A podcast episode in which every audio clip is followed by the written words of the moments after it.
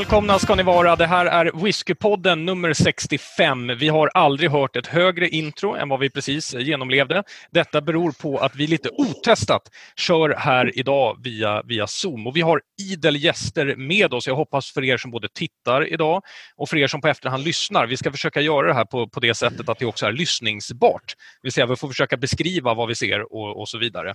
Men innan jag ska presentera dagens gäster så vill jag börja med att hälsa välkommen till mannen som ser ut som att han faktiskt sitter i Glenfiddichs vardagsrum. Hej professorn, välkommen till programmet. Hej doktorn, tack ska du ha. Eh, och ja, som alla vet i Zoom kan man ha bakgrunder. Ja, precis. precis. Eh, jag har sett dig med en himla massa olika bakgrunder de senaste dagarna. Har det tagit tid att välja till detta special moment, denna livesändning? Det var mycket besvärligt. Jag kom på till slut att om man googlar på Bar Library så får man väldigt bra bilder. Okej, okay, okay. Dagens program det ser ut som, eh, som följer. Vi har aldrig haft så här mycket gäster samtidigt i Whiskypodden. Jag ska alldeles strax introducera dem. Det vi sen ska göra är att vi ska tala Glenfiddich, Glenfiddich, Glenfiddich och vi ska vända och vrida på denna legendariska singelmalt. Så vi kommer göra allt ifrån att vi ska testa hela deras range, men vi ska också foodpära eh, faktiskt idag. Så att Micke Björklund, eh, den fantastiska åländska kocken, han har förberett en specifik rätt till var och en av de olika Glenfiddich som existerar. Men vi ska börja med att presentera dagens gäster för andra gången i Whiskypodden. Här är Anders Spirits News chefredaktör Henrik Affledal. Varmt välkommen. Tack så mycket och eh, skål och välkomna till den här underbara övningen. Eh, det här är en Glenfiddich och den kommer vi snart tillbaka till. Perfekt. Perfekt. Eh, David Tjäder, du, du, har ju startat en egen eh, whiskypodd nu, eh, så man blir nästan förvånad över då att man, att man ser det här. Det var jag som bjöd in det. Jag tyckte det var otroligt kul att vi har någon mer i Sverige som faktiskt vill driva en whiskypodd. Du ska vara jättevälkommen till avsnitt 65. Tackar, tackar, tackar. Anneli Huskowski, eh, mest känd kanske från den bloggen som, eh, som du driver, du har också studerat dryck under, under de senaste åren, eller hur? Ja, det stämmer bra. Eh, ja, min blogg heter ju Sinnen och nyanser och den har jag haft igång nu i ungefär tre och ett halvt år tror jag att det blir. Mm. Du ska hjälpa oss idag både med lite, lite provning, tyvärr bara med, med, med tolvan, men vi återkommer till det. Sen ska vi prata lite mer om din blogg och din relation till Glenfiddich också. Mm. Nu till mannen som är på andra sidan Östersjön, eller ska man säga i mitten av Östersjön. Vi hälsar välkommen till kändiskocken Mikael Björklund. Hejsan hejsan! Det är en otroligt fin bild du har där Micke. Det ser ut som att du antingen är upp och ner eller att du är lite, lite fellutad ja, in i det. Men vi ser det. Jag, så här kanske det blir bättre. Det där tycker jag ser, ser mycket bättre ut. Du, ja. Hur är din relation Micke till whisky? Uh, ja, den är... Jag är väl en glad drickare av whisky men, men eh, sedan att eh, med, med det här analysera och sånt så, så är det ju jättespännande. Det är ju någonting som man lär sig hela tiden men jag har mycket kvar att lära när man får höra alla proffsen och sånt som pratar om det här så, så finns det att lära. Men det är skojigt. Det är en, ny utmaning för en. Alla proffstyckare. Vi ska snart komma tillbaka till en fantastisk ordlista som du kan ta hjälp av i David Tjäders bok faktiskt. Men vi ska hälsa välkommen till dagens eh, faktiskt viktigaste gäst också. Eh, William Grants Sons representanter i Sverige, Nigab Pontus Bontegard, är med oss här nu, eller hur? Det stämmer väldigt bra det. Direkt här från eh, Solna så sitter jag här och ser fram emot att få prova lite whisky tillsammans med er alla. Lite nytt, lite gammalt, men det är den klassiska stilen som genomsyrar hela denna kvällen. Mm. När vi pratar Glenfiddich så, så, ehm, så är det ju signaturmalten som vi ska lägga lite extra krut på idag. Yes. Och det ska bli otroligt roligt att få göra det med allihopa här. Jag, jag tänkte faktiskt att vi börjar den änden. Pontus, eh, Glenfiddich, en legendarisk dram, en legendarisk malt. Eh, kanske den som tog singelmalten eh, till världen. Vad, vad, kan du berätta? Hur är det att arbeta med Glenfiddich? Ja, men det är väldigt eh, spännande och roligt på alla sätt. Eh, mycket på grund av att det är ett så välkänt och starkt varumärke och ett destilleri som många har en, någon form av relation till. Eh, många har besökt destilleriet i Speyside-regionen i Skottland och om inte annat så har man eh, säkert provat en Glenfiddich, man har sett den i någons barskåp eller när man är ute och reser på taxfree-butiken eller kanske rent på Systembolaget. Så att eh, alla har en relation till det och eh, det tycker jag är väldigt spännande att få jobba med ett destilleri som har varit igång så pass länge och fortfarande ligger i familjen som du var inne på, William Grant Sons ägor då i femte generationen. Så det, ja, det är väldigt eh, kul att få vara en del av det. Just William Grants and Sons, de har ju varit med ända sedan slutet av 1800-talet. Vill du berätta lite om deras historia? Ja, precis. Det, de, som du säger, de har hållit på med detta i väldigt många år nu och, och det hela började eh, faktiskt eh, 1886 när mannen William Grant, eh, som var lite av en entreprenörssjäl, kom igång sent i livet med, med att förverkliga sin dröm som var just att skapa, som han uttryckte det, the best dram in the valley. Eh, han hade jobbat på ett väldigt legendariskt destilleri under många år och tyckte sig ha all kunskap och, och och det som krävdes för att åstadkomma detta.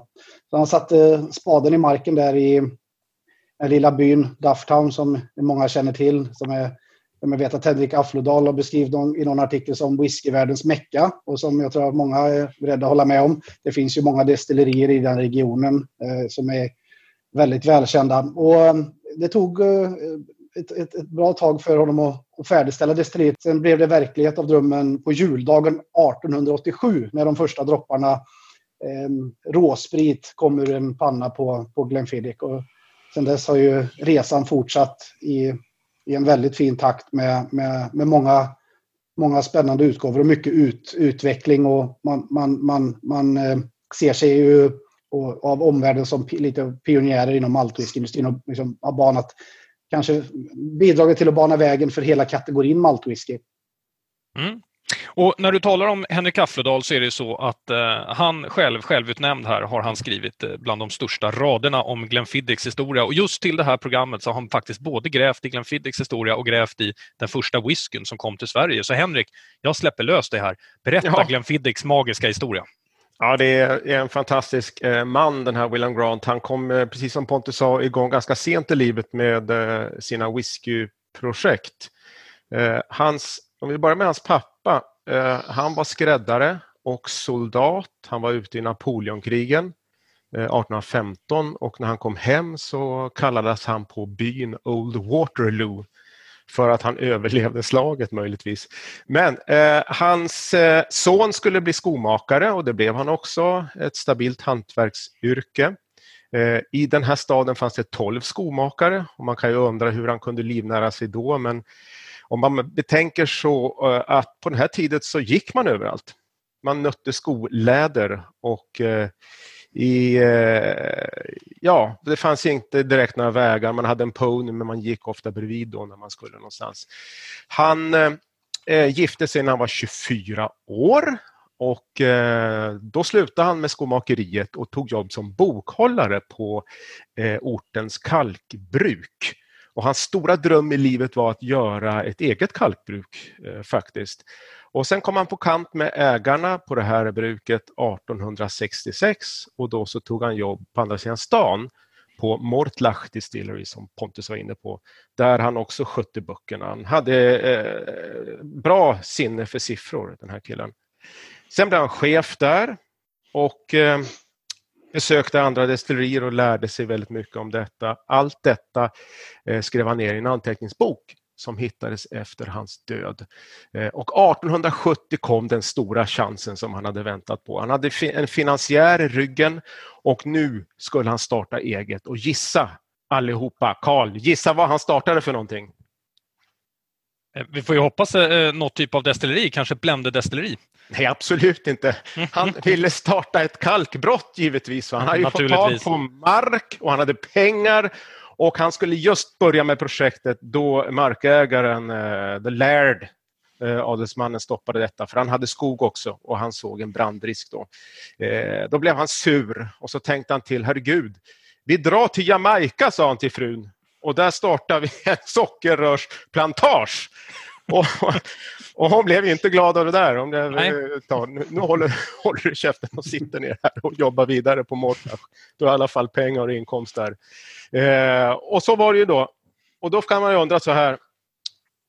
Ja, han fick upp ögonen för whisky där och då ungefär. Någonting måste jag göra med mitt liv.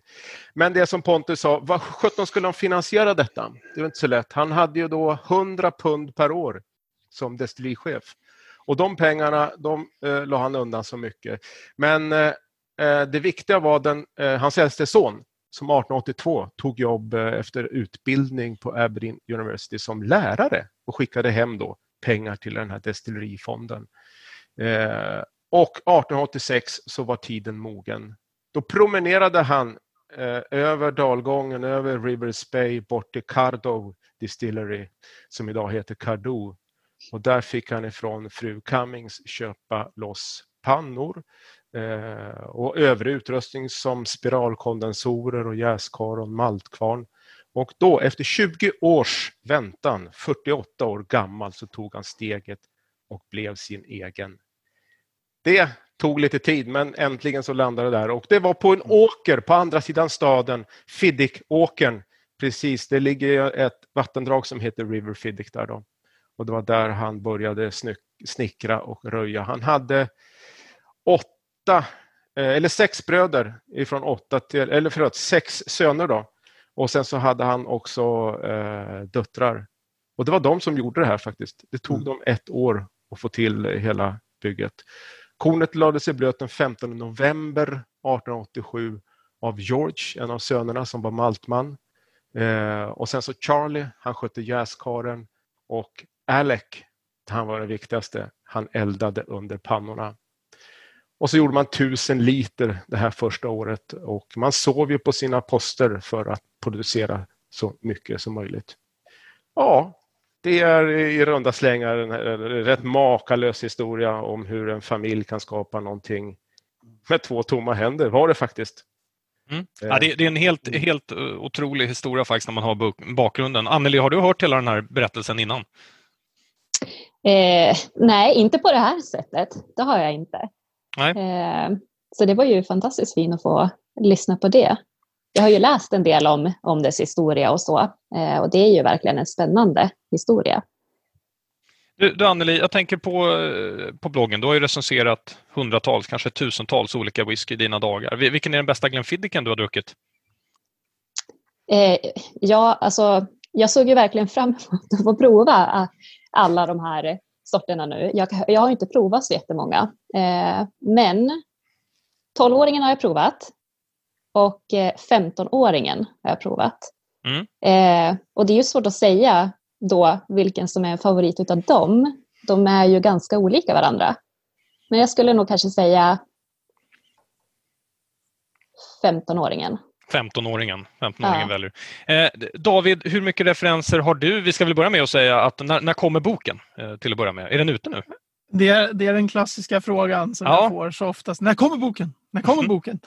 Eh, eftersom jag är eh, både författare och min egen bildredaktör till den där boken så, så eh, jag har ju sagt, jag hittade någon bloggpost från 2019 när jag såg, när jag hade skrivit så här, kommer den inte ut i år så ska jag äta upp min hatt. Liksom. Åh, ja. fan sa jag det för? Men nu har jag sagt och det är det år... vi kommer få se live i programmet snart. precis, precis. Jag hämtar min hatt som jag äger. Men nu är det ju slut fiffande och letande av bilder framför allt som jag håller på med. Så jag ska väl köra någon crowdfunding här om ett par månader för att, för att finansiera själva tryckningen av boken. Det är ganska mm. dyrt att trycka böcker och jag är inte en rik man. Så att, eh, jag eh, kan inte ta gift på men jag, fan om den inte kommer ut i år då, då får jag äta upp min hatt på riktigt. Två hattar? Får jag äta upp två hattar för att eh, nu är det verkligen slutfiffandet så, och mm. porr och, och sådär. Men den är ju ganska lång så det är en del att peta igenom. Har du slagit upp i din egen bok? Vad skriver du om Glenn Fiddick där? Eh, jag skulle ju nästan behöva läsa till. Det var ju givetvis allt det här som Henrik tog upp står ju där. Nej då. Allt ordagrant. Ja, nej, men det är väl en, två, tre, fyra paragrafer text ungefär. Uh, man kan inte göra det jättedetaljerat när man ska presentera. Jag presenterar ju all världens destillerier och alla oberoende buteljerare och tekniska termer och det är väldigt mycket. Men, så jag har väl med det här liksom uh, att det grundades 1886 och att det är det destilleri som eh, varje år, förutom om det nu var 2014, har, säljer mest singelmalt i hela mm. världen. Så det är den största Sen såg jag faktiskt när jag kollade in manus här att det, där är det inte uppdaterat kring det här nya, för det är ju en helt ny produktionsdel eh, av destilleriet. Som har, jag, jag vet inte, har det kommit on stream? Det vet säkert Henrik eller någon annan här. Ja, Pontus lär ju veta, men Ja, det är Pontus, klart att eh, man har ju byggt ut, eh, om vi tar de här tre stora så har vi ju det, det mastodontdestilleriet är ju det här eh, Hobbit som jag kallar Hobbitkulorna som är Macallan. Mm. Och sen har ju det faktiskt Glenlivet i två omgångar eh, byggt egentligen två nya destillerier ovanpå varandra. Och det är Ja. samma Pontus gäller ju också och Glenfiddich. De är ju också uppe där på vad då? 10, ja, hur många miljoner liter kan man göra? Eh, 14 miljoner liter tror jag kapaciteten Ja. ligger på i nuläget. Eh, Ja. Ja, för jag, jag hade data från förra, då har jag liksom skrivit att just nu är det 14 miljoner liter och sen har jag skrivit då så här när den här nya enheten är, är liksom färdig helt då kommer de ha en kapacitet på mellan 18 och 20 miljoner liter. Så det är ett gigantiskt ja, destilleri då liksom. Precis. Ehm, så det finns med och sen har jag alltid på alla destillerier lite så här, det finns si och så många jäskar och lite, lite sådana här eh, nörderier och så presenterar jag bara kort så här, det här är core range. Jag, jag skriver ju ingenting i boken om smaknoter eller så, för då skulle jag behöva presentera det för vartenda destilleri på planeten och det tror jag inte min lever skulle klara av. så, så det är lite så, grundarår, att det är massivt. De var ju först, de, de var inte först att buteljera singelmalt. Eh, för det fanns ju singelmalt whisky på liksom 1800-talet. Men eh, de var ju först att lansera sin singelmalt brett och internationellt. Eh, de var väl ordentligt, om man, om man pratar om just stor lansering så, så hade de ju så här en 15 år före liksom en del andra. Sen är det klart att det har funnits andra märken som också har, har sålt internationellt, men de var ju unika i hur, hur eh, stort de liksom lanserade sig internationellt.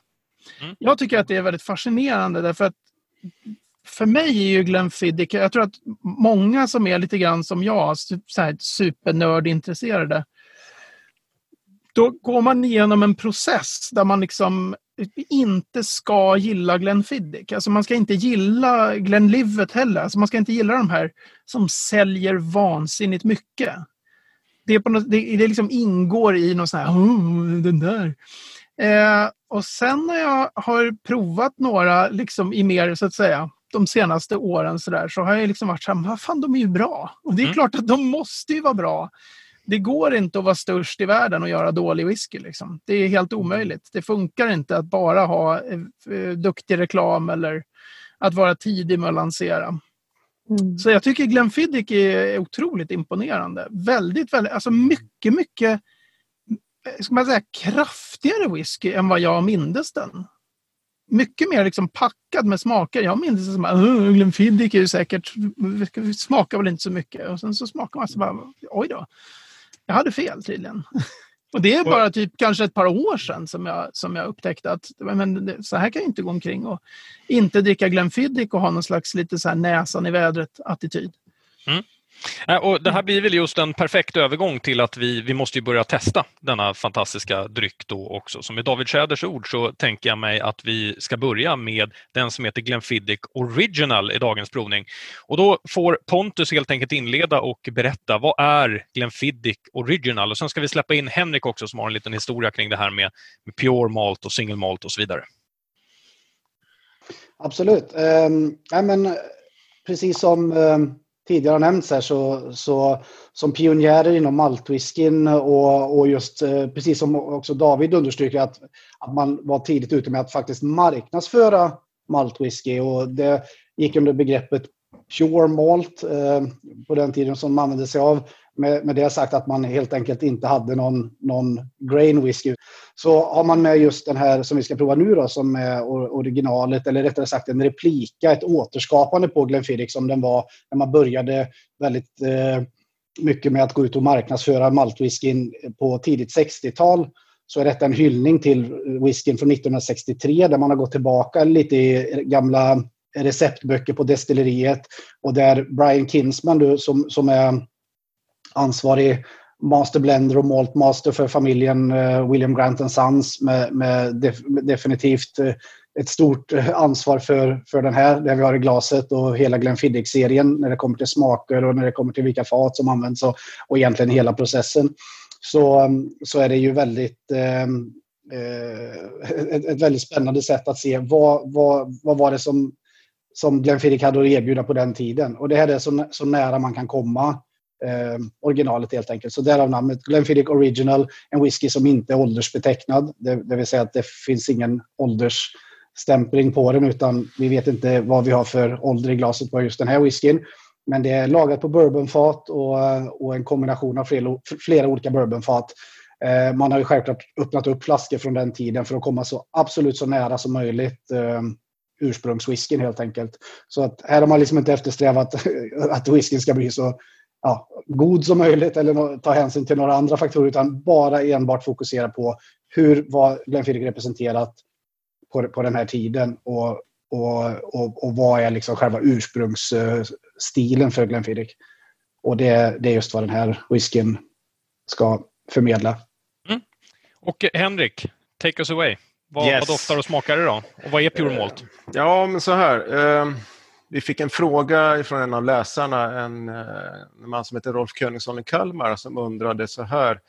Den första eh, maltwhisken på Systembolaget, när kom den? Så han pratade med Systembolaget som 1980. Men det ju, kan ju inte stämma tyckte han, för Glenfiddich uppfann maltwhisky 1963 enligt honom. Eh, och det där är ju helt korrekt. Eh, vi började gräva, gjorde ett riktigt bra grävjobb tillsammans med eh, William Grants arkivist Paul Kendall. Eh, och vi kom fram till följande då, att 1963 är lite för sent. Eh, det började redan 1956 med en ny typ av flaska Eh, den, den välbekanta trekantiga flaskan som en tysk designade, Hans, eh, Hans Schläger. Och det var ju eh, flaskan för Stand Fast som whiskyn hette då. Idag heter den Grants Family Reserve. Då. och den här trekantiga flaskan, det var den man då återbrukade för att börja sälja sin singelmalt eller maltwhisky. och det skedde 1961 redan. Det är intressant. Vi säger 63 på flygplatserna, men 61 mm. kom den i handel. Eh, och eh, eh Det var lite svårt att sälja det här faktiskt när man kommunicerade, så poletten trillade ner 1968. Då, och det var amerikanerna som hjälpte till med detta. Va? Och då eh, gjorde man om eh, etiketten och satte dit den här karaktäristiska kronhjorten, då, ett guldbandat emblem och allt det där som finns på flaskan idag, egentligen etiketten 1968. Eh, och det här med straight malt då. När man kommer till USA med en produkt och ska kalla det för straight malt, då blir det jätteförvirring. För vi vet ju att det heter straight bourbon och straight rye. Så det blir förvirrande. Så då sa man, vad ska vi göra då? Vi går tillbaka till det du nämnde Carl och det är Pure Malt. För början på 1900-talet så sålde man de maltwhisky med begreppet Pure Malt. Så då plockade man egentligen upp det. Mm. På det sättet. Eh, och så skrev man Unblended på etiketten. Otroligt viktigt eftersom man ville skilja ut den ifrån Scotch Blended. Så det var Unblended Straight Malt. Och nu ska vi svara på Rolf Königssons fråga. Eh, det är inte 1980 utan det är 1960 7.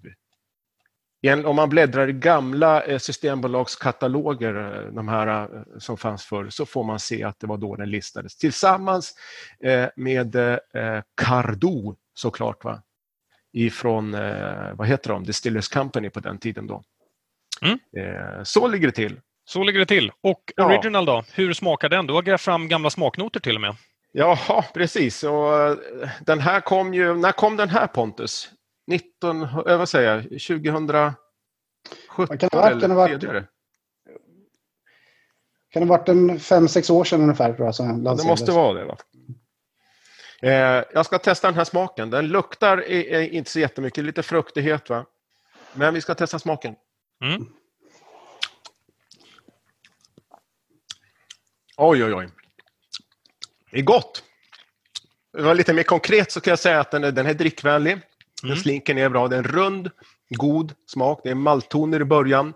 Det broderas ut av den här äppeltonen som gärna finns i Glenfiddich. Citrus som fräschar upp. Eh, fruktkola i exiten. Det är skalbäska såklart.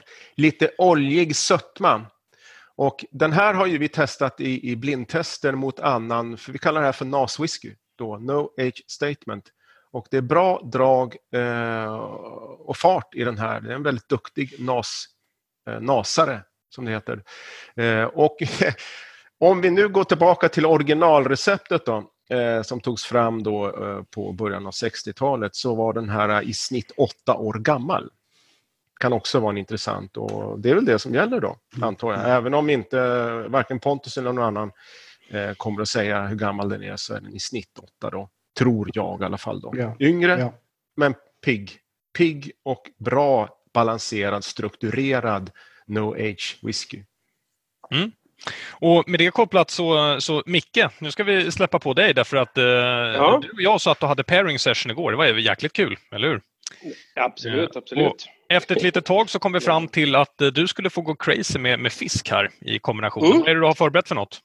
Eh, det som jag har gjort till eh, denna som eh, jag tycker skulle passa mycket bra så är att jag använder råfisk. Som, I det här fallet så använder jag norsk lax och sen har jag Östersjölax.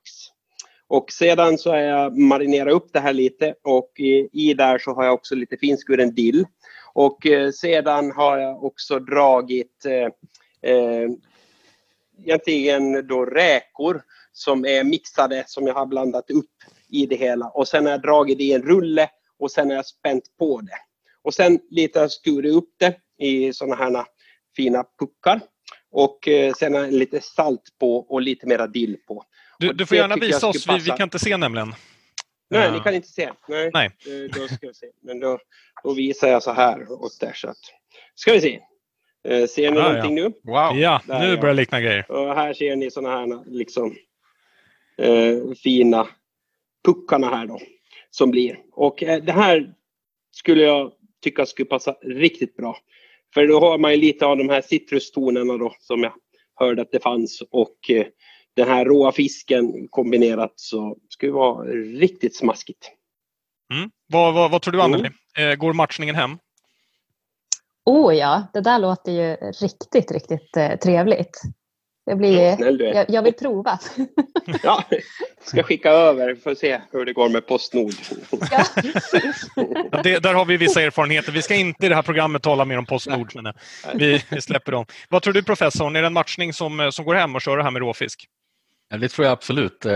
Vi har ju testat original i en tidigare eh, podd faktiskt eh, för länge sedan och vi konstaterar väl båda två att det här är ju en eh, lite mer, den har lite mer attityd än eh, man förväntar sig kanske av en, en ung Glenfiddich.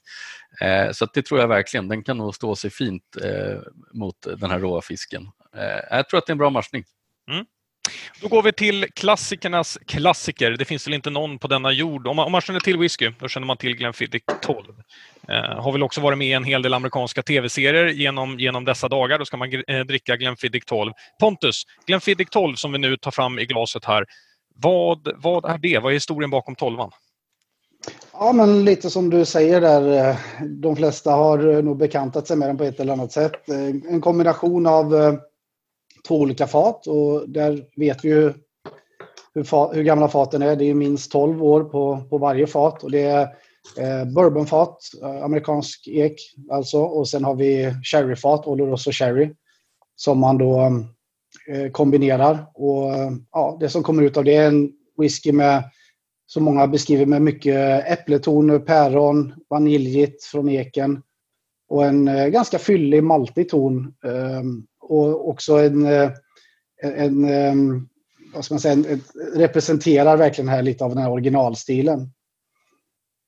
Mm. Och jag tänkte då, Anneli, du som har 12 vad, vad känner du när du doftar på den här? Ja. Eh, den är ju enormt fruktig. Och Mm. jag känner absolut eh, de här päronen som eh, nämndes. Eh, och den är också väldigt så här, tydligt maltig, nästan lite så här, alltså den känns ju ungdomlig liksom, i doften. Jag tänker på eh, gräs och sådana toner. Mm. Och färskt päron. Färsk päron, det Väldigt- låter inte dumt det. Väldigt trevlig doft. Mm, jag får bara hugga in här och säga det också. Lite, lite, Lite. honung inblandat här, trevligt.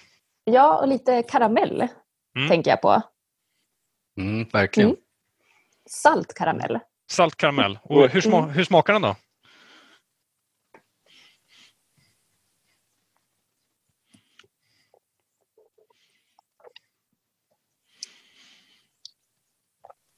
Mm.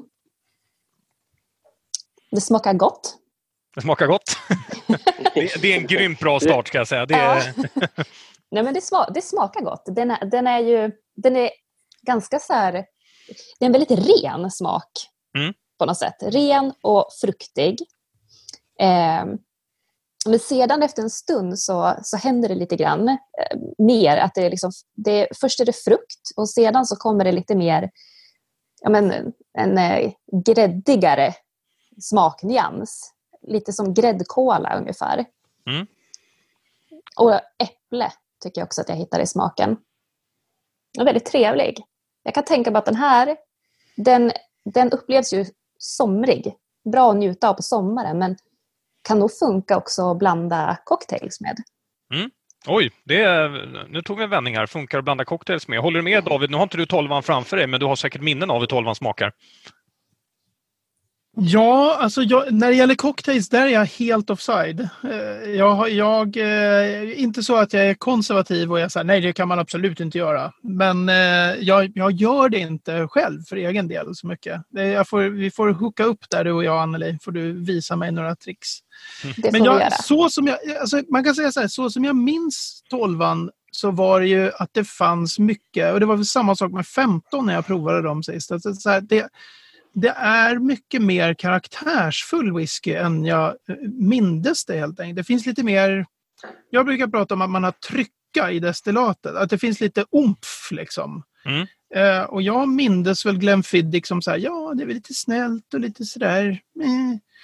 Eh, men definitivt äpple och definitivt fruktigt. Men att det liksom finns någon sån här ändå härlig, lite underliggande oljighet Uh, nu, jag, jag, ska, jag ska liksom återkomma till Glenfiddich och få prova dem lite mer ordentligt här. Men, mm.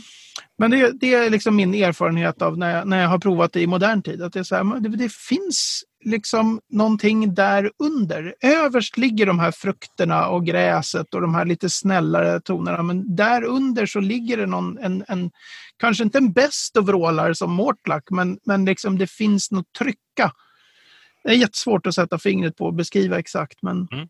ja. och det, det, här är ju verkligen en, en allround-whisky kan man säga. Den tilltalar mm. väldigt många och därför när jag och Micke satt och gjorde pairingen igår så började vi bråka lite om procentsatserna Micke, för du och jag vi, vi skulle göra någon mix av choklad kom vi fram till. Men mm. du, du fick rätt som vanligt. Du fick bestämma vad, vad vi skulle göra och du har pairat en fantastisk chokladrätt till det här så du får gärna visa och presentera. Ja, eh, jag har gjort en liten eh, chokladrätt här och då har jag gjort så att jag först har bakat en liten sån här eh, chokladkaka på 70 i choklad som är riktigt, ja den är nästan åt, ja mycket kraftig kaka som är. Och sen har jag gjort en liten kräm som jag har gått ner då till vanlig fatsechoklad, lite ljusare, lite sötare choklad då, som jag gjort en kräm och eh, sedan så har jag rostat eh, lite pinjenötter för att få en liten rostigare smak på de här nötterna och få lite, här, lite fett också i den som jag skulle tycka att skulle passa riktigt bra till det hela. Mm. Ja, den ska möta oljan där var ju tanken med, med fettigheten, mm. liksom, lite som David mm. var, var inne på där. Vi har fått en tittarfråga också som jag läser upp här och det hittar vi receptet någonstans på fiskrullen, en fråga från Fredrik. Eh, vi ordnar väl alla recepten mycket va, till Spirits News, så lägger vi ut det där va? Ja, det gör vi. Ja, professorn, vad tror du om den här pairingen då? Börjar ja, det vattnas men, i munnen nu? Ja, men det gör ju det lite grann. Eh, jag är en stark förespråkare för att när det kommer till att para någon whisky överhuvudtaget med choklad så ska man hålla sig borta från de här onda whiskysorterna som är typisk superrökig och faktiskt även eh, sån som har för tung sherry i sig. Eh, för att jag tycker att det, det, det lite grann eh, käkar upp eh, upplevelsen av chokladen. Det här tror jag är en utmärkt bäring, särskilt med den här lätta syrligheten som finns också i tolvan eh, som kan matcha upp chokladen riktigt bra. Den tror mm. jag på. Det var intressant att du nämnde syran, för den talade jag mycket om igår. En hel del, mm. just syran mm. som finns i den här. Man måste möta det umfet som jag tror David här beskrev lite tidigare. Mm.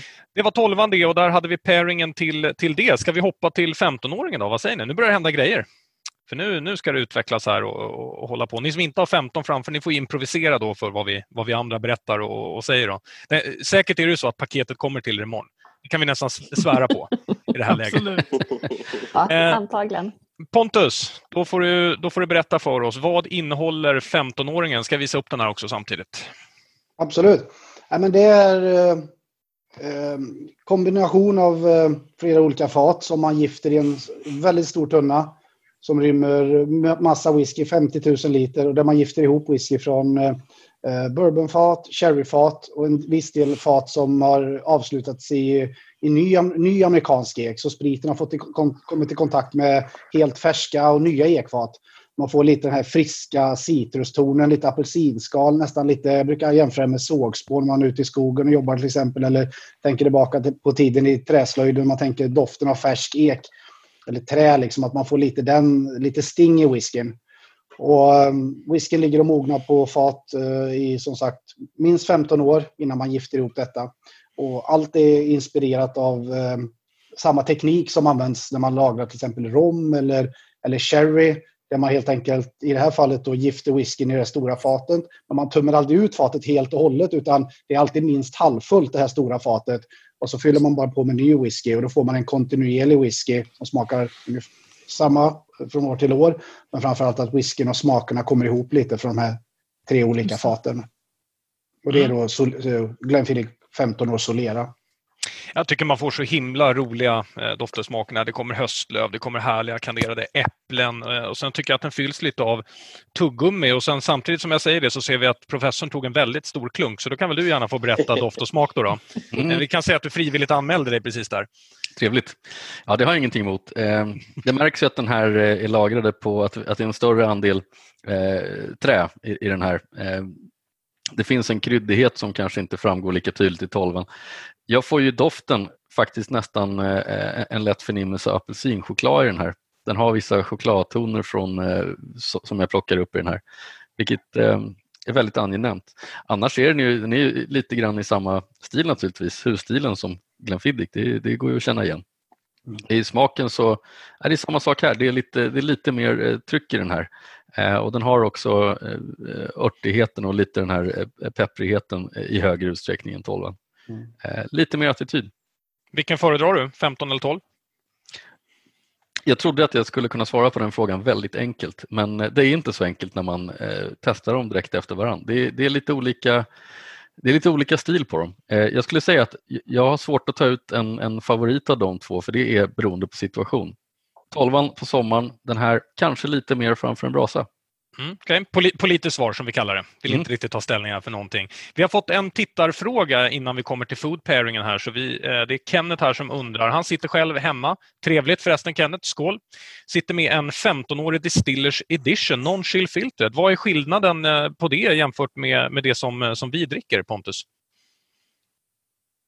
Förlåt, Distillers Edition, ja. Den, ja. Den, den, den ligger lite högre alkoholstyrka och eh, den är liksom eh, samma princip, man gifter whiskyn i, i en, enligt Solera-metoden, men att den, den är liksom lite, lite mer bättre. Den har lite fylligare smakprofil och går li, kanske lite mer åt den kryddigheten, lite mer sherryton.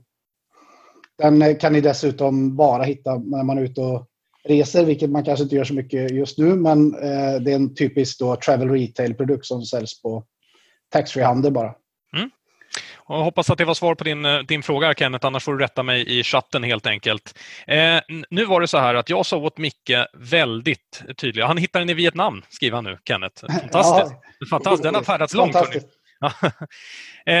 så här var det, jag gav Micke en instruktion igår och det var vad du än gör nu Micke, gör inte som du alltid gör, du ska alltid lägga ner din själ i allting. Va? Ehm, så jag sa, ta nu grejer du har i kylskåpet. Så ringde jag på hans mobil, då var det inte han som svarade, var det hans uh, underbara fru Jenny som svarade. Så, men Micke har inte tid att prata för han har åkt runt hela Åland för att hitta råvaror till det här, vet ni, till pairingen. Ehm, och då var det så här, vi talade om på den här att vi skulle försöka gå lite vilt Eh, Eh, men det var ju framförallt om du hade något vilt. Men Micke, du, du har tagit bil runt och du har hittat vilt som du har pärat till här. Ja, jag, jag har hittat, jag har eh, eh, lite älg som jag har tagit och eh, stekit. Och då har jag stekt upp den med salt och massa timjan som får gå jättelänge då så att man får den lite inte för mycket stekt utan den får vara lite mer åt det råare hållet. Och sen till det så har jag pocherat lite ägg eh, som jag har på här så att man får en liten krämighet helt enkelt. Oh, oj, oj, som ligger oj. här och eh, som, som faller ner där. Och det här Om du tycker filmar jag... lite till vänster Micke så får vi se hela. eh, Ja, så där kanske. där ja, oj oj oj. oj, oj. Ja. Som är, ja, det här, det är en, och det här är liksom enkelt och gott och här har du liksom lite krämighet med det vilda då som jag har, har, har fått höra att skulle passa mycket bra, lite vilt till det här hela. Vad säger du, nu går vi lite crazy här David. Eh, nu går vi på vilt helt plötsligt kopplat till Glenfiddich 15. Vad tror du med en sån pairing? Oh, för länge sedan jag provade 15, men alltså, om, om en kock eh, kommer på det så, låter det, så, så kommer det säkert vara rätt. Alltså. Det, är- det är, alltså, älg är ju helt fantastiskt. Det är ju, jag har i princip slutat äta kött, men älg, den, den, eh, jag brukar skämta med, med en del av mina vänner som är stenhårda vegetarianer och säga sådär, men, men, men älg den växer ju i skogen. Den är ju liksom mycket ekologiskt odlad. Det finns jättemånga älgar. Det, det gör inget om vi skjuter av några. Så, så älg med Glenfiddich 15 låter som en dröm tycker jag. Mm, härligt. Och det var väl lite så, eh, Micke, jag vet att du tänkte mycket på att eh, det vilda här skulle möta sälta eftersom det finns en hel del sötma i Ja. 15-åringen. Det var det som var liksom, eh, tanken. Tycker du att det låter logiskt Pontus? Absolut, eh, det tycker jag verkligen. Det låter som en klockren pairing. Mm. Definitivt. Och det är lite som, som var inne just att det är lite apelsinskalton, lite friskhet och det här lite pepprigheten i eftertonen tror jag kan, ja, låter helt magiskt. Visst är det kul när vi alla sitter här och pratar whisky och så ser man att Micke jobbar. Liksom. Han lagar mat här samtidigt. Det är rätt härlig känsla faktiskt. Va? Okej Pontus, eh, 18-åringen, den sista egentligen i, om man säger liksom core-rangen, även om 21 numera också bland annat tillhör den. Men 12, 15, 18, den finns ju på alla butiker eh, över hela världen. Precis, det här är verkligen en, en whisky som är spridd över hela världen och den är väldigt omtyckt av både glada whisky-entusiaster eh, men också bland expertisen för det är en väldigt prisbelönt eh, whisky ur, ur Glenfiddich eh, standard range. Jag, jag, jag brukar ofta förklara den, den här whiskyn lite med att, att det är lite av förlängda armen på den klassiska tolvåringen, alltså den gröna flaskan. Och att det här är på sätt och vis samma uppbyggnad eh, på, på det sättet att det är inte är någon speciell lagringsteknik som soleran där man har solera teknik och här är det bara traditionell kombination av amerikanska och den spanska eken, alltså bourbon och sherryfat som man gifter ihop. Eh, Det är lite större sherryinslag i 18-åringen än, än vad det är i 12-åringen. Men, och självklart att den har fått då ligga och utvecklas och mogna några, till, några år till på ekfatet. Och, och resultatet, ja det får ni känna av själva. Men, men för min del så, så, så bidrar det till en lite mer, lite mer fyllig whisky. Maltigheten, men ektonen är där definitivt på ett annat sätt. Så man, kanske något mindre fr- friskhet än jämfört med 12an. Men å andra sidan en, en längre finish, längre eftersmak. Och att den går lite mer åt det här marmelad, liksom torkad frukt och, och liksom en väldigt fyllig, kraftfull whisky för, för att vara, om man nu säger så, bara 18 år då, så tycker, tycker jag att den har en enorm liksom, fyllighet. Då. Och, och skiljer sig väldigt mycket i smakprofilen från 12-åringen, även om den är uppbyggd på samma typ av fat och um, samma lagringsprincip. Man gifter ihop whiskyn från, från de här två olika faten. Och alla fat måste vara minst 18 år och det här är då resultatet. Mm. Och eh, Henrik, håller du med? Har, eh, tycker du att åldern börjar märkas av nu i Glenfiddichen? Ja, det är intressant det här eh, för att eh, om vi går tillbaka till 12-åringen så är det en pigg men ganska liten eh, doft i storleken och Glenfiddich 15 är lite större och även en väldigt mycket rundare och, och ja, lite fetare smak på grund av sherryinslaget. Men den här, den är då den största aromen. Den, den liksom springer ut ur glaset. Citron, eller citrusdoft, tuttifrutti, krämig, den har en eufori då. Och smakmässigt, det är lång. Första är en parfymton som kommer, sen kommer äppellagen i basen. Den är krämig, fruktsirup. Det finns lite tobakstoner, nästan lite rök, inte riktig rök men någon sorts tobak där på slutet. Eh, och sen pratar vi, vad då ek? Ja, visst är det ek. Det växer ju. Eh, det finns den här tuttifrutti i, eh, i botten här. Det är en mastig, seg, söt liksom, bas i den här whiskyn. Eh, lite kliande, fetlagd krydda. Den är, man skulle säga att faktiskt 15-åringen är mer ekpotent. Det kittlar, kryddorna kittlar med där. Men den här är ju å andra sidan lite äldre så den är lite mm. lugnare då. Men balanserna är ju är fantastiska i eh, 18-åringen. Eh, ska, vi, ska vi säga att den är bäst så här långt? Det är lite förutsägbart, men jag, jag står för den. Håller 15 här inte, ja, det var liksom 18-åringen. Ja, men alltså, ålder är inte alltid bäst. Långt ifrån. Va? Men eh, i min värld så är Glenfiddich, om vi jämför, det finns ju ett systerdestillit som heter, som heter Balvenie och Balvenie ligger där 12 till 15 ungefär. Det är mycket mer muskler och kropp i den spriten. Och den, liksom, den, den, den, den vill vara ganska ung och 25-30 då är det svårare. Men när vi börjar nu, vi är ju på 21 mest i den här provningen, va? men det finns några riktigt fina gamla Glenfiddich och där är de svårslagna i världen. Mm. Skulle jag säga. Ja, Men vi har 21-åringen kvar, eller hur? Det, det har vi. Och nu tog du min sista tes när vi skulle tala om gammal Glenfiddich. Men jag tackar för att du hoppade in där och eh, redan har börjat den tesen, så kommer vi tillbaka till den. Eh, vi har också fått en, eh, en rubrik här, eller en, det är inte en tittarfråga, det är snarare ett utrop skulle man kunna säga. Det är eh, eh Sissan, Sissan som har skickat, man blir ju otroligt sugen och hungrig. Detta skulle upplevas hos Micke. Eh, då får man åka till Åland mycket i sådana fall. Mm, det är mm, svårt. Mm. Ni, ja, ni, ni, har ju lite svårt med det, att komma ja. hit nu. Ni får inte åka hit. Ja, man får, det, man får titta vi... genom rutan helt enkelt. Ja, det får man göra. Mm. Sen när, när, det blir normalt igen så är man hjärtligt välkommen. Mm. Och du, nu har du pairat något så roligt som, jag vet när du skrev listan och skickade till mig här att nu är det både mm. jordgubbar, basilika, tomat och olja. Nu, nu är vi väldigt. Nu är det liksom en, en, en sån här liten, det här är ju lite sommarkänsla, liksom känsla, lite vår. Och jag fick faktiskt tag i åländska jordgubbar. Oh. Eh, ja, de kanske inte smakar så mycket, men de har en rätt god, eh, lite syra i sig som går bra ihop med själva tomatfiléerna. Och då har jag bara tagit själva tomat, inte kärnhus eller någonting, utan bara filéerna. Och sen är det lite lätt olja och sen är det plockade små basilikablad som jag har. Och eh, så är det lite också här nerhackat citronmeliss. Så man får en liten syra på det hela. Syra skulle möta ganska bra mot den här skulle man eh, kunna, kunna tänka sig. Va? Vad tänker du professorn? Ja, här är faktiskt eh, jag kanske inte riktigt håller med här om jag ska vara ärlig. och jag tror att det finns risk att den här, den här rätten som Mikael har gjort kanske lite tar över eh, och, och, gör att man inte riktigt kan uppskatta 18 för vad den är.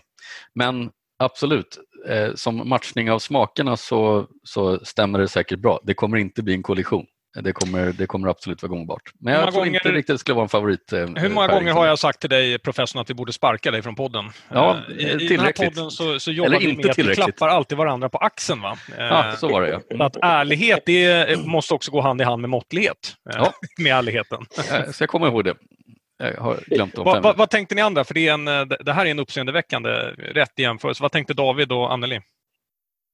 Ja, här så tänkte jag mer, alltså, eh, om det gick vilt till i förra med eh, parningen med eh, 15-åringen där så tänker jag att det här, det är ju, det här är, låter lite galet, men det låter väldigt spännande.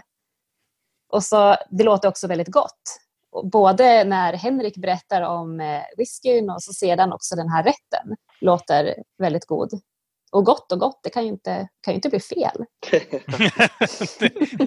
Alldeles, det, eh, då får jag en fråga här från Johan Blom. Det är nog en, det är nog en fråga till eh, både till Micke och till mig skulle jag gissa här. Eh, kommer det att ordnas liknande food pairing hos Micke när väl gränserna öppnas och kommer recepten från ikväll att läggas ut? Svaret på fråga nummer två här Johan, det är att ja, det kommer de, det kommer de göra. Vi ska försöka posta dem på Spirits News i, idag eh, eller imorgon. Eh, på den första frågan där Micke, det är ju något vi har funderat på faktiskt faktiskt. Absolut. Mm. Och då, då, får man ju komma och testa den här rätten och, och, och skaffa sig, liksom eh, testa den här och, och, skaffa sig uppfattningen om det är så att det passar eller om det inte passar helt enkelt. Så att, självklart så ska vi se till att man ska komma. Ring någon timme före bara så att vi hinner gå ut och plocka jordgubbarna. ja, men vi får väl återkomma. Ja, Exakt. Absolut. Men vi får väl återkomma till lite mer. Vi har ju lite planer där Micke, så jag ber Johan Ja. att vi får, vi får återkomma i, i frågan. Då, hörni, Mm. då ska vi hoppa till eh, en personlig favorit hos mig. Det är också en personlig favorit vet jag hos CC Eikner som jag tror faktiskt sitter och tittar på programmet också. Pontus, det är 21-åringen som vi ska till nu. Och den har ett mycket finare stort emballage, ser ut så här. Jajamensan. Mm. Nej, men det är en whisky som jag föredrar själv att avnjuta efter middagen. Det är ju lite av en after dinner-style på den. Eh, Den har en viss sötma, på grund, mycket på grund av den här finishen eller avslutningen som den har fått på romfat. Mm. Så det är alltså karibiska romfat som används för att avsluta en whisky som större delen av sitt liv, när- eh, det är ju en 21-årig whisky, har faktiskt legat i, eh, i ett bourbonfat. Men sen så förfly- förflyttas den över och avslutas några månader i, i romfaten. Och det är det som jag tycker gör att den passar väldigt bra in som en after dinner whisky. Och den har ju väldigt mycket mer av de här exotiska tonerna, fruktigheten i form av lite kaffe, choklad. Det kan även vara lite grillad ananas, eh, banan och en väldigt komplex whisky med mycket, mycket, ja, mycket smaker i helt enkelt. Och um, det här är verkligen lite på sätt och vis standardrangens Rolls Royce tycker jag personligen är väldigt lyxig whisky att liksom kunna avnjuta efter en, ehm, efter en härlig middag. Eller varför inte rent av pära den till någonting som, som, ehm, som kanske har en liten chokladig ton. Eller det kan vara någonting med lite vanilj, en crème brûlée, panna cotta eller någonting. Eller någonting som bryter av lite mer mot den. För det här är ju egentligen flytande crème brûlée vi har i glaset. Så kanske någonting med lite apelsin eller någon kaffeton eller någonting. Så att, P- äh, en whisky Pontus- som är väldigt användbar i många olika Pontus, en fråga bara. Har du på något sätt tagit in på mitt kontor och tittat på receptlistan, eller? Han, så, vi sa att det är en flytande crème brûlée. Vi får återkomma till det, men... Nej, det har eh, Ja, det kommer- Det det är väl ganska svårt att komma in på ditt kontor om jag har förstått det hela rätt. Ja, Det är det är säkerhet så. där. Det är svårt. Okej. Eh, Professorn, vad känner du när du doftar och smakar? här? Ja, alltså det här, eh, jag kan ju bara hålla med Pontus om att när man doftar på den här så då är man på en helt annan nivå faktiskt. Då börjar vi närma oss de här när man pratar gammal Glenfiddich. Men eh, man känner ju väldigt tydligt att den här har eh, rominfluenser. Och, eh, det, det är någonting som i vanliga fall som jag skulle kanske varit lite skeptisk till på en så här gammal whisky. Men i det här fallet så har den är, den är otroligt balanserad med, med rommen, den tar inte över på något sätt. Så att det blir en spännande exotisk doft men med tydlig, tydlig Glenfiddich i botten. Dock mycket äldre än de tidigare vi har provat så att eh, man får lite mer den här arkiverade känslan i doften. Arkiverade känslan i doften. Och, och smaken här då? Är den bra? Jag gillar professorns sätt att dricka idag. Det är verkligen liksom en, Ja, en rörelse liksom man ska inblandad. prova ordentligt. Ja, ja. Här, här kommer ju mycket mer citrustoner fram eh, än, än eh, vad, vad doften avslöjar. Den här är ju, är ju ganska lång. Den, eh, den, pågår, den pågår länge och den eh, växlar mellan olika, många olika smaker. Det finns en ganska hög komplexitet och det är klart att rom, rominfluenserna gör sig till med det. Det. Det här är en efterrätt i sig. Eh, man skulle att pära den med en efterrätt, det, det, det är nog toppen men den, den står sig rätt bra som den är som en efterrätt faktiskt. Ja, nej, det, det, det är nu vi kommer till det. Jag måste bara säga när man, när man testar den här, man blir glad. Man blir varm inombords varje gång man får pröva den här. Jag som dessutom inte är eh, någon fantast på sådana där slutlagringar. Att jag har den här som favorit är ganska unikt och det tror jag har mycket med Glenfiddichs balans att göra. Flytande crème brûlée, sa Pontus. Men Micke, då får Mm. du väl visa vad du har gjort. Ja, det är nästan det som vi har gjort här och det är en crème karamell. Och eh, då är det ju så att jag har gjort den med Dumle undertoner. Och då har jag tagit Dumle, kola och sen har jag tvättat bort chokladen, smält bort chokladen på den. Och sedan har jag smält Dumlekolan bara med lite socker och satt den i en form och sen har jag dragit på själva eh, smeten på där och så baka i ugnen och sen knäcker man den. Och då får man den liksom så här lite dallriger och den har liksom känslan av den här liksom krämigheten som, som ni beskrev det. Om man, om jag ser här att jag, jag bara drar lite med skeden. Oh. Så den, här, den, här, den här smälter och ni ser att den har så här, den är, den är len i sig. Så det här är en, en ja, den, den här, ja, man, man, man, kan också ta den här helt skilt också om man vill då förstås. Men, men tillsammans så, så tror jag att det här skulle bli riktigt, riktigt superbra. Här, här, antar jag att hela panelen här bara instämmer. Jag såg också David Tjäders min när den där kom fram. Det var liksom en oh. du, du har inget ljud på David. Du måste sätta på ljudet för att tala. Uh, you had me ett Dumle. uh, det, liksom, nej, det där verkar ju jättehärligt.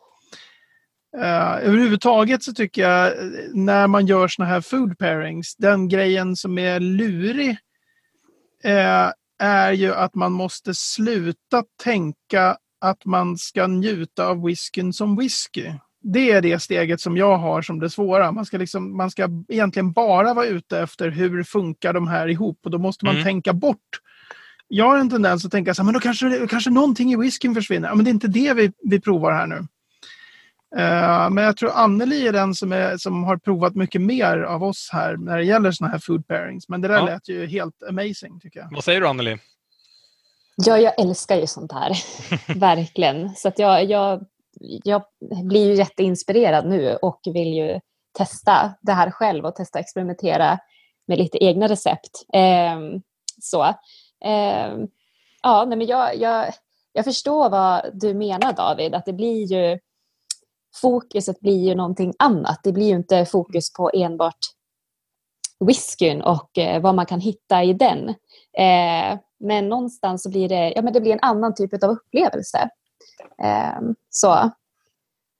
Ja, mm. så det är väl lite grann också vad, vad, vad jag brukar fokusera på när jag har eh, provningar så brukar det vara dryck och mat i kombination. Mm. Jag tycker att det är väldigt kul. Ja, Mm. Ja, det, det märks. Det tycker jag också. Fantastiskt roligt.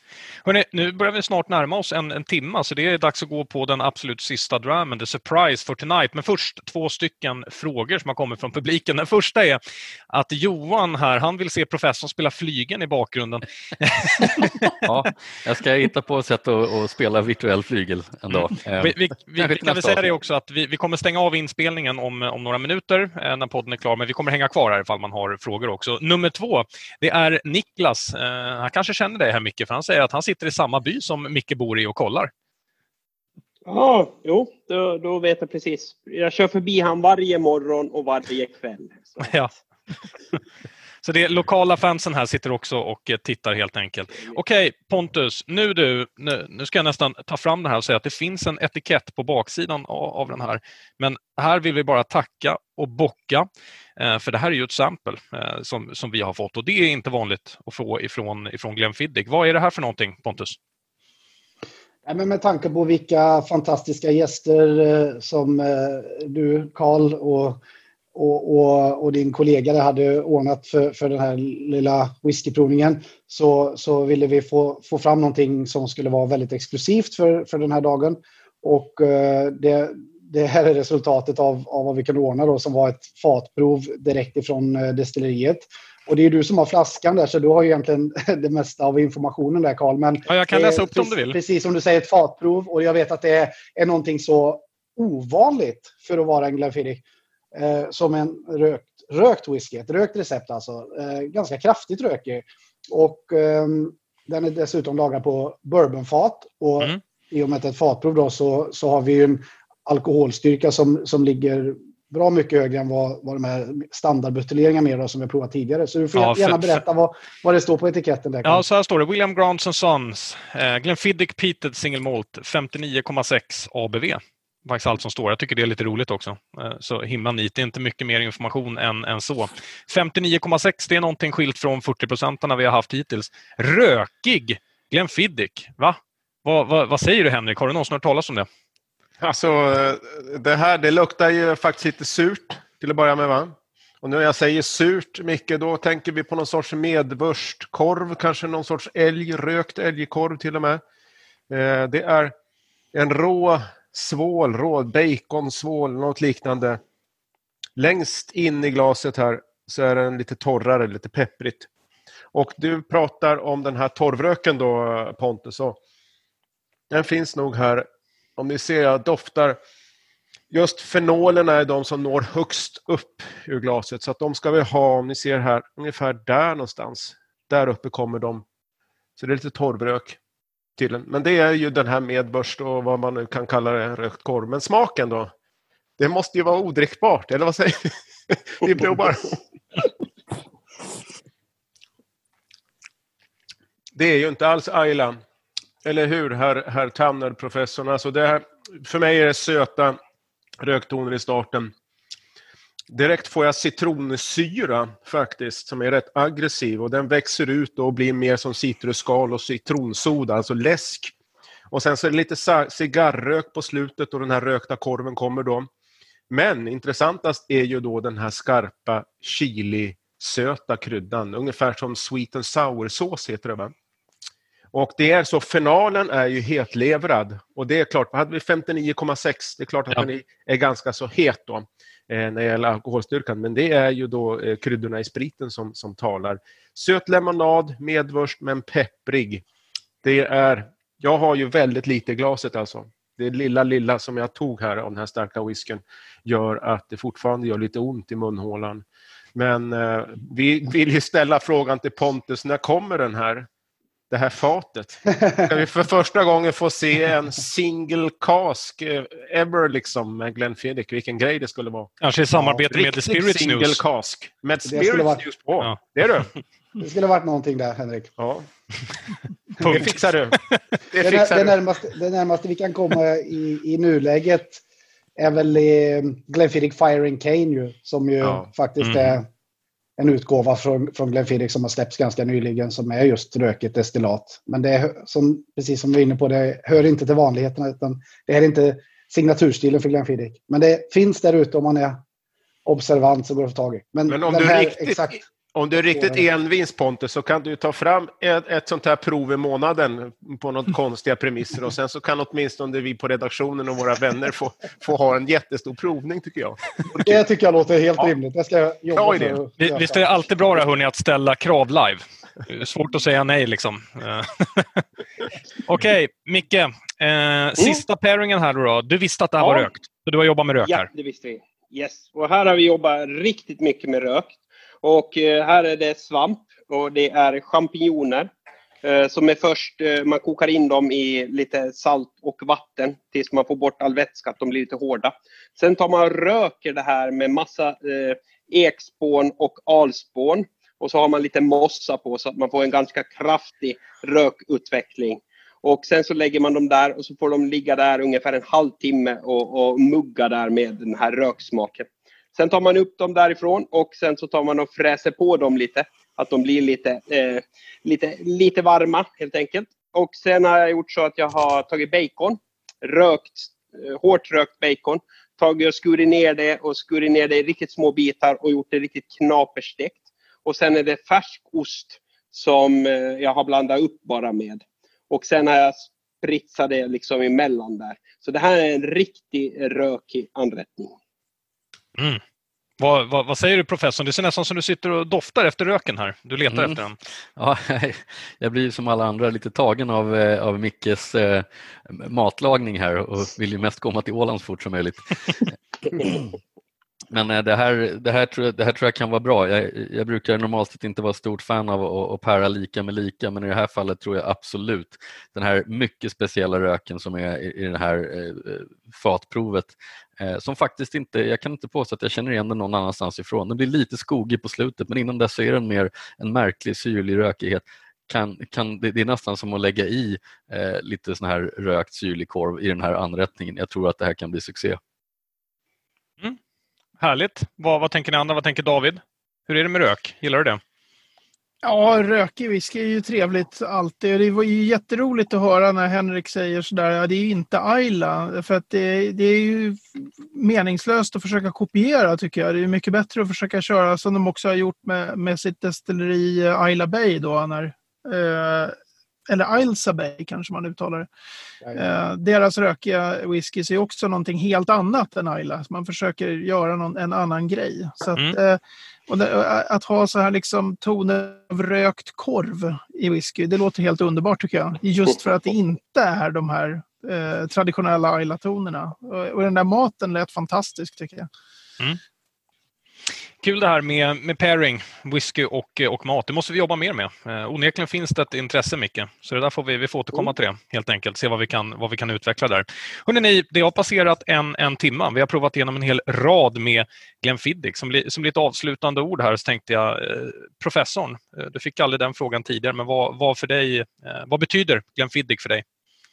Ja, för mig så kommer Glenn Fiddick alltid ha en liten särställning för att eh, i alla fall i min bok, eh, nu lät det som jag höll på att göra en bok, det håller jag inte på att göra, men eh, i mina noteringar så är Glenn Fiddick ett av de viktigaste eh, varumärkena och whiskyna i, för, för svensk eh, whiskykonsumtionsdel.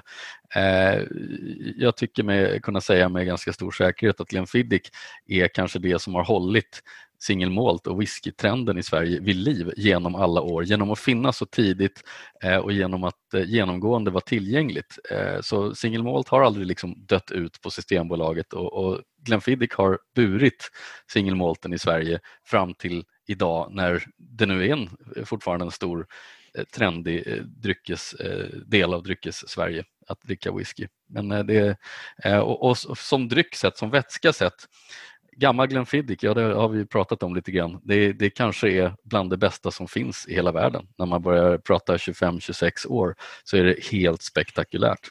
Men även de yngre, de är precis som eh, David var inne på. Eh, de har alltid, man, man minns dem alltid så mycket sämre än de är när man provar dem. Det är en märklig, märklig grej men det, det är precis så det är. Eh, och det, det beror antagligen på fördomar. Mm. Och eh, uppdraget som ni andra får här av David och Anneli, eftersom era samples då ändå inte har kommit fram, som vi säger, vi antar att de kommer imorgon. Då får ni posta på era bloggar vad ni tyckte helt enkelt om, om de här på efterhand.